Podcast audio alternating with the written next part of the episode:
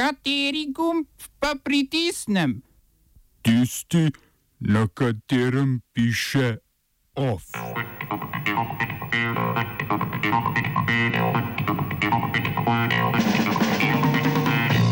Turčija in Iran nesložno proti Kurdom. V Jemnu vojaški helikopteri nad somalijske begunce. V Čečeniji je obsojen aktivist za človekove pravice. Ameriška in slovenska podpora samooklicanemu predsedniku v imenu demokracije.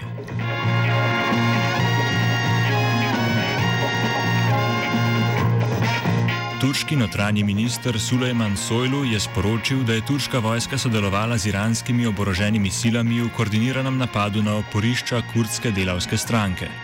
Kje točno je napad potekal, ni jasno, najverjetneje pa v bližini tromeje med Turčijo, Iranom in Irakom.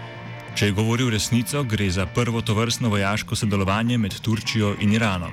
Iranska vojska navedbe sicer zanika in trdi, da v akciji, ki jo je proti Kurdom izvedla turška vojska, ni sodelovala. Vojski obeh držav sta sicer že desetletja zapleteni v spopade s kurdskimi separatisti na, ob na obmejnem območju in od, in od destabilizacije Iraka leta 2003 občasno izvajata vojaške operacije proti kurdskim oporiščam tudi znotraj iraških meja.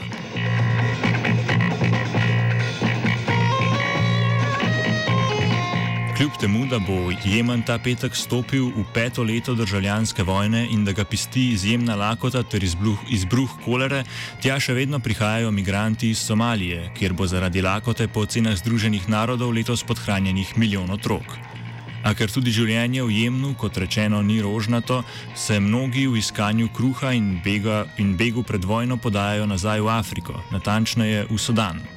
Ta teden je čovnu, polnemu civilistov, vključno ženskami in otroki, pot prekrižal vojaški helikopter Apache neznane pripadnosti, čeprav je znano, da jih v bližnji okolici uporablja le koalicija pod vodstvom Saudske Arabije. 42 prebežnikov je, kljub signaliziranju, da so civilisti, padlo pod streli. Somalija je zahtevala preiskavo dogodka, a da bi kdo za zločin odgovarjal, se ne zdi verjetno. V podobnem napadu je prejšnji teden sicer umrlo tudi osem jemenskih ribičev.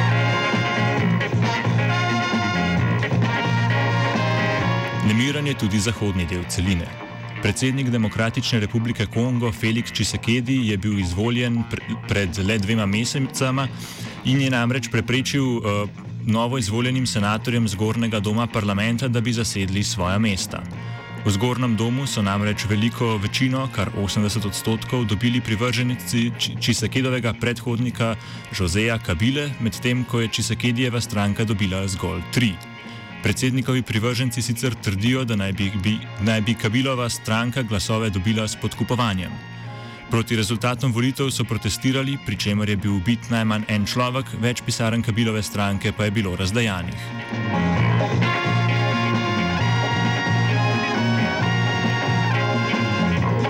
V Čečeniji je bil na štiri leta zapora obsojen vodja organizacije za človekove pravice Memorial Ojub Titijev, V zaporu je sicer že od lani, ko je policija v njegovem avtu odkrila 200 gramov marihuane.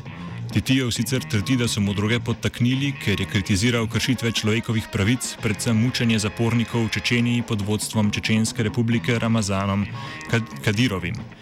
Kadirov je sicer lani izjavil, da bo po sojenju Titijevu Čečenija aktivistom za človekove pravice postala prepovedano območje, kakor je za teroriste. Organizacija Memorial je sporočila, da so bili po izreku sodbe v sosednji republiki Ruske federacije in Gušetiji požgani njeni prostori, v Dagestanu pa napadeni njeni uslužbenci. Letos bo sicer minilo deseto leto, odkar je bila predhodnica Titijeva na čelu Memoriala v Čečeniji, Natalija Jesterimova, Jestermirova, pardon, ugrabljena in umorjena. Storilcev niso odkrili.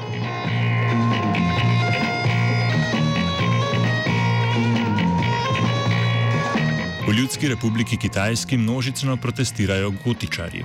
V južno-kitajskem mestu Guangzhou je namreč uslužbenka metroja od pripadnice te subkulture zahtevala naj si odstrani pretirana ličila. Združeni gotičari so v nedvomno najbolj množičnem protestu te subkulture dosegli suspens omenjene uslužbenke metroja in zagotovilo, da lahko nemoteno zastopajo gotičarske barve na javnih krajih.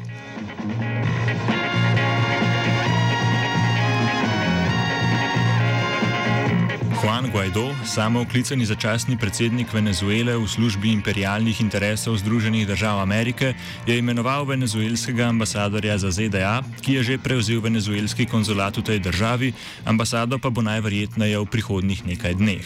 Diplomatski predstavniki izvoljene Madurove vlade so sicer Združene države zapustili po vladni podpori samooklicanega predsednika. Venezuelska vlada opozarja, da so ZDA z ilegalno prepustitvijo diplomatskih prostorov nelegitimnemu predstavniku kršile določila mednarodnih odnosov, a kot vemo, lastno kršenje mednarodnih določil ZDA še nikoli ni motilo. Oba, če, bom odgovoril na angliški.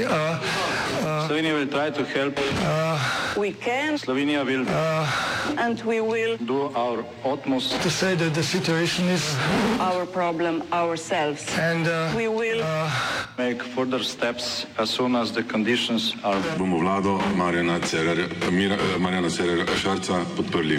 Very, very serious. News from Slovenija. We know how and we will.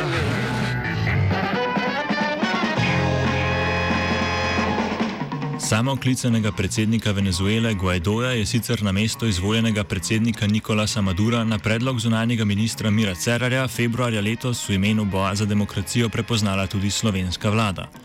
To sicer v levici označujejo za nedopustno kršitev mednarodnega prava. Na njihovo zahtevo bo danes odbor državnega zbora za zunanjo politiko na nujni seji razpravljal o preklicu priznanja Guaidoja za začasnega predsednika Venezuele. Priznanju Guaidoja nasprotujejo tudi koalicijski socialni demokrati.